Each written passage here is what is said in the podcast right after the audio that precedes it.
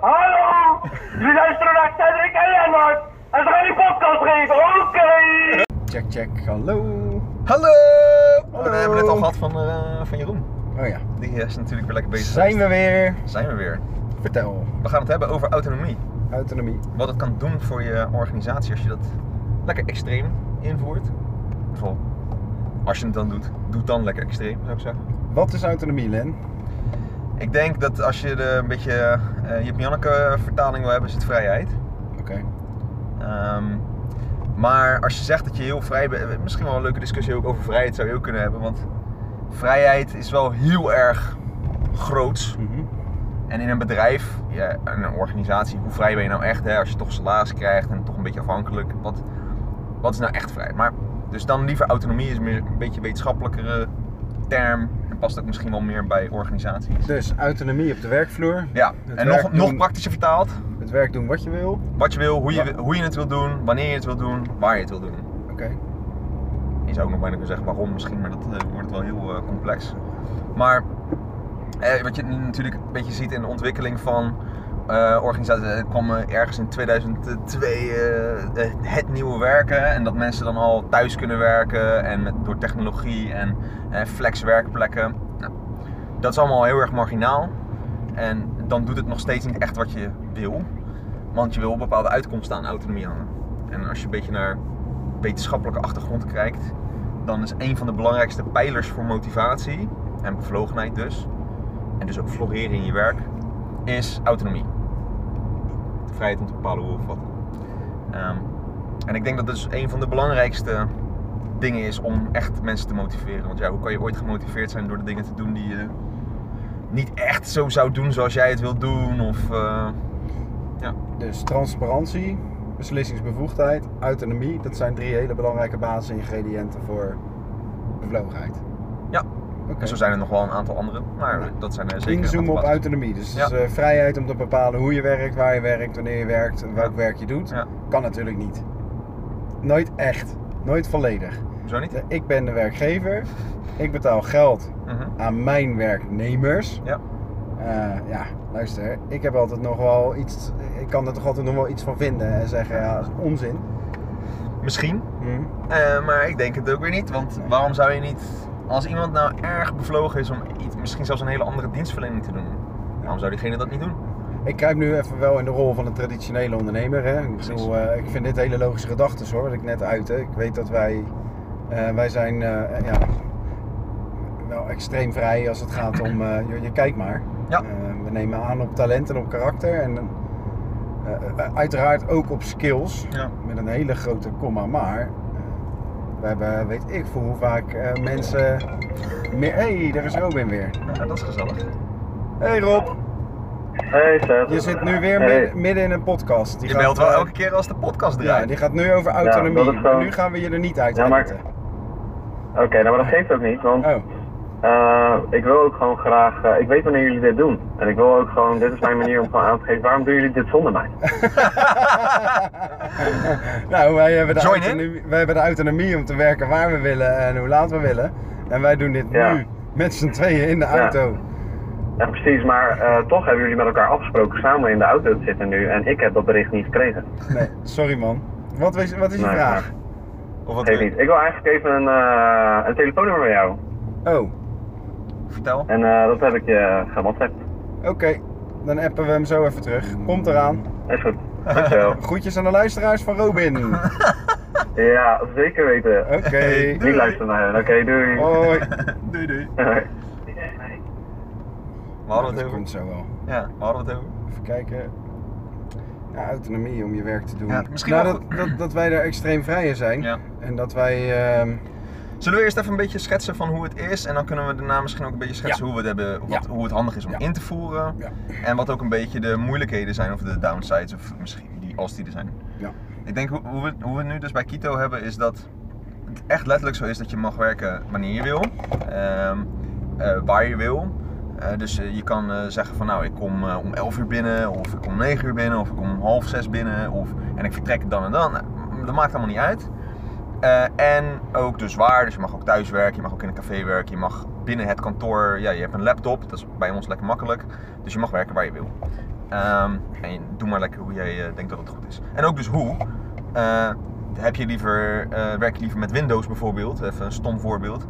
dan doe je toch lekker een Windows computer en wil je liever Apple, dan ga je voor Apple. Ik bedoel, waar jij het lekkerst mee werkt, waarom zouden we dat restricten tot nee, we werken alleen met Outlook of alleen met Windows? Nee joh, als je lekker een ander e-mailprogramma wil, doe dat lekker. Want misschien werk je daar wel beter mee en ga je harder. Dat is gelijk ook het voordeel eraan dat mensen daarmee ja, veel meer hun wer- werk inrichten zoals zij het zelf willen. Dat noemen we ook wel jobcrafting. En zo hun werk vormen die beter bij hun persoon past, zodat ze beter gaan werken. Wat hebben we nog meer? Ook wat ze doen, hè? Heb jij daar een goed voorbeeld van? Ja, we hebben eh, nou, jou als voorbeeld. Jij bent eh drie en een half jaar geleden bij Kito binnengekomen. Eh, het was toen belangrijk dat je iets met projectmanagement ging doen. Want die vacature die stond open en we hadden een reden nodig om je aan te nemen. Mhm. Dus we hebben toen wel gezegd, joh, kan je ons alsjeblieft helpen met deze functie, maar blijf daarna, daarnaast alsjeblieft zoveel mogelijk Lennart. Nou, gelukkig heb je dat maar een jaar gedaan. Ja, wel andere. We kwamen nog wel wat projectmanagement wat langer, maar Ja, met een staart, Ik heb van, al steeds- een staart van een half jaar. Maar precies. eerst had je focus voor 80%, zat het op projectmanagement, dan kon je voor 20% hobbyen. Ja. Nou, uiteindelijk werden 20% hobbyen, of eh, 80% hobbyen en 20% uitloop projectmanagement. Hè? Mhm. Ehm, en daarna kon je echt je gang gaan. Dan heb Ja. je het hele organisatiepsychologie stuk gedaan. Inmiddels is het zo dat we ehm, eh, met meer mensen zijn bij Kito en meer ruimte hebben. Dus eh, minder snel iemand in een bepaalde rol duwen. Ja. Eh, toen was het echt, joh, jij was verliefd op Kito, wij waren verliefd op jou. Wij vonden het super vet als je kwam. Maar konden je gewoon anders niet betalen. Precies. Ehm, maar er zijn ook voorbeelden. Bijvoorbeeld eh, Sam is daar een goed voorbeeld van. Ja.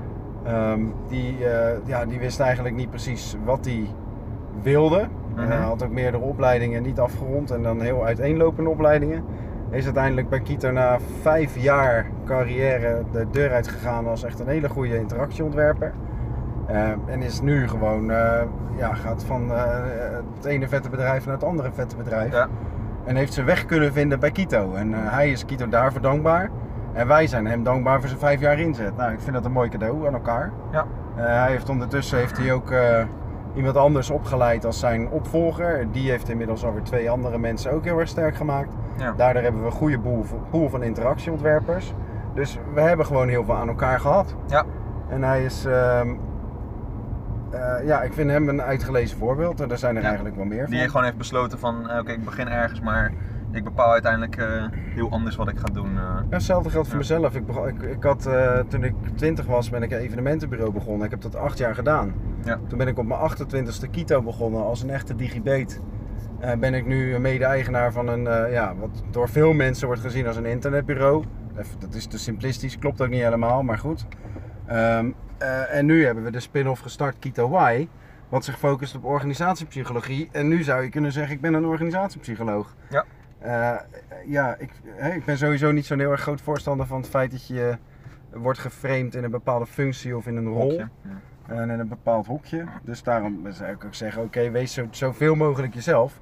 En hoe anders kun je zoveel mogelijk jezelf zijn als in een vrije cultuur. Ja. Ehm, en daarom ben ik erg voor die autonomie. Maar ik moest daar wel heel erg aan wennen. Ja. Want als er iemand is van een... eh, hè, ik, ik, vond het, ik heb zitten gillen als ik alleen maar mensen om half tien binnen zag komen. Ja. Terwijl ik wist dat het super druk was. Ja.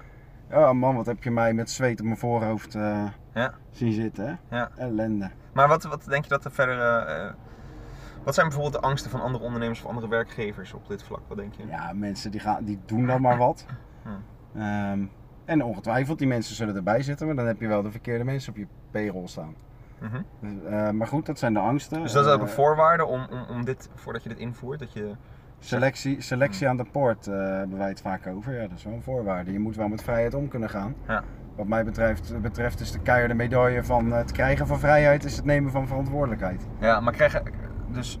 ehm, is het dan zo dat heel veel bedrijven misschien wel niet kunnen veranderen naar deze autonomie? Omdat ze, ja, weet je wel, het is best wel lastig om dan eh, afscheid te nemen misschien van... Als, ik kan me heel goed voorstellen dat ze misschien wel denken, ja, dan moet ik 75% van mijn personeel ontslaan. Iedereen kan daar naartoe veranderen. Alleen zal het bij de een sneller zijn dan bij de ander. Ja, maar... en bij de een zal het wat meer eh, personeel moeten worden af- afgevloeid dan bij de ander. Ja. Eh, maar iedereen kan er één veranderen als je maar echt wil en, en misschien nog wel belangrijker als je echt durft. Ja, ik denk dat die durf heel belangrijk is. Ja, ik heb hier echt. eh, ik vond het spannender dan dat ik, ik, ik, ik wist wel dat ik het wilde, maar ik vond het vooral altijd spannend. Ja. ja, dat is wel goed denk ik ook om te vertellen wat dan bij ons wel een... Hè, je zei het net over die voorwaarden van... Ze moeten verantwoordelijkheid pakken om die vrijheid hè, en die autonomie eh, te kunnen claimen of krijgen. En dat heeft natuurlijk ook met onze onbeperkt vakantiedagen eh, stuk te maken. Ja. Ehm, en maar die verantwoordelijkheid zeg maar pakken. Eh, ik denk dat dat wel ook een van de voorwaarden is die, een beetje, die wij een beetje soort stellen. Hè, van, ehm, zorg ervoor dat je klanten blij zijn en zorg ervoor dat je collega's blij zijn. Als je die dingen gecoverd hebt, dan zal het wel goed komen. En dan mag je, kan je doen wat je wil. Right? Ja, er zijn wel onge- ongeschreven regels. Die staan niet op de muur. Eh, ze staan- het is ook niet dat je een contract hebt getekend waarin je zegt: maak je collega's blij, maak je klanten blij. Maar er zijn gewoon eh, normen en waarden. Precies. Stilzwijgend Ja. Door de groep eh, gecreëerd. Eh, ja, je hebt je wel te houden aan dat soort zaken. Dus wat je ook merkt, is dat niet iedereen altijd maar zegt: ja, maar eh, ik ga naar het strand. Want dat wordt gewoon niet geaccepteerd door je collega's. Dat- klinkt eventjes heel tegenstrijdig. Mhm. Je hebt de vrijheid wel, maar op het moment dat dat ongelooflijk onpraktisch is, omdat je met een stevige deadline bezig bent met vier mensen, ja, dan lijkt het me ongelooflijk onhandig als jij als uh, loonboef op het strand gaat zitten. Ja, en dan maakt je ook je collega's waarschijnlijk niet blij. Dus daar is het ook weer dan. Die, en net is hetzelfde als dat je een eh, meeting ingepland hebt. En dat je dan eh, besluit om. de- die is om 9 uur, maar je besluit toch om 10 uur te komen. Ja, dan maak je je collega's natuurlijk niet blij die op je zitten te wachten. Dus dat krijg je dan als het goed is ook te horen. horen. Dus dat is dan ook gelijk weer een soort van extra voorwaarde. Is dat je ook een beetje het mandaat geeft aan mensen om elkaar echt aan te gaan spreken. Ja, daarmee dus, ondernemers, maak je geen zorgen dat het eh, één pot van eh, misbruik wordt. Eh, het Tegendeel waarschijnlijk. Het tegendeel. Ja, wat ik, wel een heel mooi, wat ik ook wel een mooi voorbeeld vind is dat ehm, wanneer je die vrijheid geeft om bijvoorbeeld te komen wanneer je wil.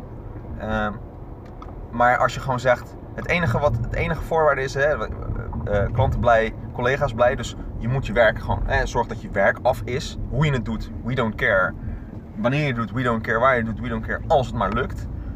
Eh, dan zie je ook dat mensen bijvoorbeeld veel sneller geneigd zijn om misschien wel eh, door te werken. Eh, tot, laat hè, we hebben bijvoorbeeld nou ja, Robin die net belde. Dat is echt een nachtuil. Als, Ja. als, je, als je hem om, om 8 uur in je zaak wil hebben, dan heb je een groot probleem. Want dan komt hij alsnog, gaat hij eerst een koffietje pakken, dan gaat hij lekker rustig aan doen. En dan is hij gewoon nog zo moe eh, dat, dat er gewoon nog heel weinig uitkomt. Maar als je zegt werk van, pff, ik zeg maar wel, 12 tot... eh, de die gast gaat soms tot 2 uur s'nachts door Ja. omdat hij dan opeens is die aan. Waarom zou je dan hem restricten tot 9 tot 5? Even serieus, dat slaat helemaal nergens op. Ja, daarvoor, we hebben iedere zoveel weken hebben wij meetups. Hè. Dan eh, stellen we eigenlijk op één avond de zaak helemaal open voor allerlei relaties, klanten, medewerkers bij klanten. random. Er zijn heel veel mensen die gewoon ons bedrijf willen bezoeken. Mhm. Nou, daar hebben we die meetups voor. We hoeven nooit te vragen aan iemand, wil je alsjeblieft bij de meetup zijn? Eh, er is gewoon algemeen bekend, er is een meetup. Eh, wie helpt er mee? En dan gaan er twaalf vingers omhoog. Precies. Eh, dat is, dat is het voordeel van hoe we werken. Ja. Ik heb een, een van onze vrienden, een van mijn vrienden, die woont achter de zaak. En die zegt tegen mij altijd, joh, de het is druk bij jullie op de zaak of niet? Want door de week s'avonds staat wel heel erg vaak het licht aan de laatste tijd. Nou, dat heeft niet zozeer met de drukte te maken. Ehm, veel meer met, eh, met die autonomie. Ja. Je kijkt maar wanneer je werk doet. Ja. En omdat ons kantoor is ingericht als, eh, ja, nou ja, huiskamer wil ik niet zeggen. Het ziet er niet, eh, het is niet de mooiste huiskamer van Nederland. Maar hij voelt in ieder geval niet als een standaard kantoor. Nee. Mensen kiezen er gewoon vaak voor om op hun eigen momenten te werken. En waar, wie zijn wij om dan te zeggen, nee dat mag niet. Precies. We kwamen pas trouwens bij een bedrijf, een verzamelgebouw in Rotterdam. Ja. En om 8 uur eh, moest dat pand leeg zijn. ja, dat vond ik ook wel bijzonder. Ja, hilarisch. Dan zou je bij Kieten nooit meer wegkomen. Nee. Nee. Dat kan helemaal niet. Nee, ja, het, het, geeft, als je dat... Je mag hier werken, maar niet na 8 uur. Ja, dan ga je ook gelijk restricten van, oké, dan moet je dus tussen de soort van eh, de gangbare tijden moet je er zijn. Maar als iemand nou echt s'avonds lekkerder werkt, waarom zou je die daar niet gewoon eh, de ruimte voor geven? Dan komt hij lekker 's ochtends niet. Maar dat, dat is ook wel tegelijkertijd het bewaken, hè? dat mensen niet dan van 9 tot 2 uur s'nachts de hele tijd maar gaan werken of zo. Hè? Omdat ze er dan te veel zitten, je moet ze daarin. Dat is ook vaak wat er gebeurt. In plaats van dat ze eh, weinig gaan werken, gaan ze soms juist meer werken, omdat ze, dat het niet uitmaakt wanneer ze werken. Als je van 9 tot 5, dan ga je 5 uur ook weg. Ik vind het nog wel belangrijk om te zeggen dat autonomie misschien wel van alle onderwerpen die we aanhalen, het onderwerp is wat de meeste vragen zal oproepen van luisteraars en van ondernemers die zeggen ja, maar in mijn specifieke geval. Ja. Ehm, en eh, dat kan ik me heel erg goed voorstellen. Het Ja, is heel raar als een, eh, als een hartchirurg vandaag ineens beslist dat hij toch maar liever een gynaecoloog is. Ja. Even het extreem geval. Ehm, weet je, ga hierover gewoon met ons een dialoog. Eh, we gaan ook nog questions and answers pod, podcast opnemen. Waarbij we eigenlijk aangeven van oké, dus, Ja, dat lijkt me leuk. Dit, dit zijn, dit zijn tien vragen die we nu even behandelen. Ja. Zeker bij het onderwerp autonomie komt die denk ik nog flink aan bod. Nou, wat ik denk ook wel interessant is bij, eh, bij heel autonomie is eh, dat eh, als je, als het, verschilt natuurlijk per eh, mensen gaan zeggen van ja, maar- in mijn bijvoorbeeld, ik zeg maar wat, je hebt, je een beetje blue collar worker omgeving. Waarbij het echt nodig is dat de mensen tegelijkertijd er zijn, bijvoorbeeld. Hè? Dat kan een heel goed argument zijn van ja, we kunnen niet de eh, mensen maar loslaten om te komen wanneer ze willen. Maar ik denk juist wel, want het grappige is dat mensen dat donders goed zelf natuurlijk ook weten. Ze weten donders goed dat je niet, eh, dat je er bijvoorbeeld bepaalde, dat de klanten er bijvoorbeeld, stel dat je customer service doet. Dan weet je dat ze er door de week gaan bellen van zo laat tot zo laat. Dus waarom zou je dan op een ander tijdstip gaan? Dat slaat nergens op. En dat weten ze zelf ook wel. Dus je hoeft daar niet eens die richtingen of richtlijnen voor in te stellen. Dus het is ook heel veel die regels ontbinden van die je al hebt staan van zo laat moet je er zijn, je moet je zo kleden, zo moet je je gedragen, bla bla bla. Gooi dat lekker overboord, want ze zijn Valt- geen kinderen. Weet Valt je het onderwerp huisregels eigenlijk ook onder autonomie? Ja, tuurlijk, die moet je, dat is Huisregels, daar hou jij zo van hè? ah, verschrikkelijk. Waarom zou je ze hebben? Ja. Het is zo Zullen we daar, denigrerend. zullen we daar, daar gaan we een aparte, Ja, doen we even een aparte, aparte podcast, podcast van. Ook over regels. Daar hebben we te veel anekdotes voor. voor Ja, eh, verschrikkelijk. oh, die gaat over regels in het algemeen natuurlijk. Ja, dat lijkt me wel een regels goeie. er ook bij. Ja, Huisregels ook precies. Maar dat is wel inderdaad het ontdoen van heel veel van die dingen maakt ook dat je autonomie kan creëren. Dus als je die stappen wil gaan maken om autonomie te creëren, moet je heel veel van je regels ontdoen. En gewoon zeggen, jongens, zoek het uit, weet je wel. Zorg ervoor dat die klant blij is. Good luck, Hashtag, hashtag kijk lekker. Ja. En, eh, en dat, dat lijkt heel eng. Hashtag luie ondernemer. Een beetje. Het het geeft je ook alweer de ruimte om lekker meer te gaan ondernemen. In plaats van maar eh, te managen en te zorgen dat iedereen maar op tijd komt. Verschrikkelijk, je zou het maar moeten doen. Maar ja, autonomie, super, super waardevol. En om dit dus in te voeren, moet je dingen ontbinden. En ik denk dat het heel veel oplevert ook voor de mensen. Want ze gaan zich gewoon meer als een volwassene voelen. En daardoor dus ook meer naar gedragen. En eh, zullen ze ook meer de verantwoordelijkheid en de eigenaarschap voelen. En ook meer op gaan pakken. Amen. Mooi slotbetoog, Ja, dankjewel. Oké. Dag. Doei allemaal, tot de volgende keer. Doei.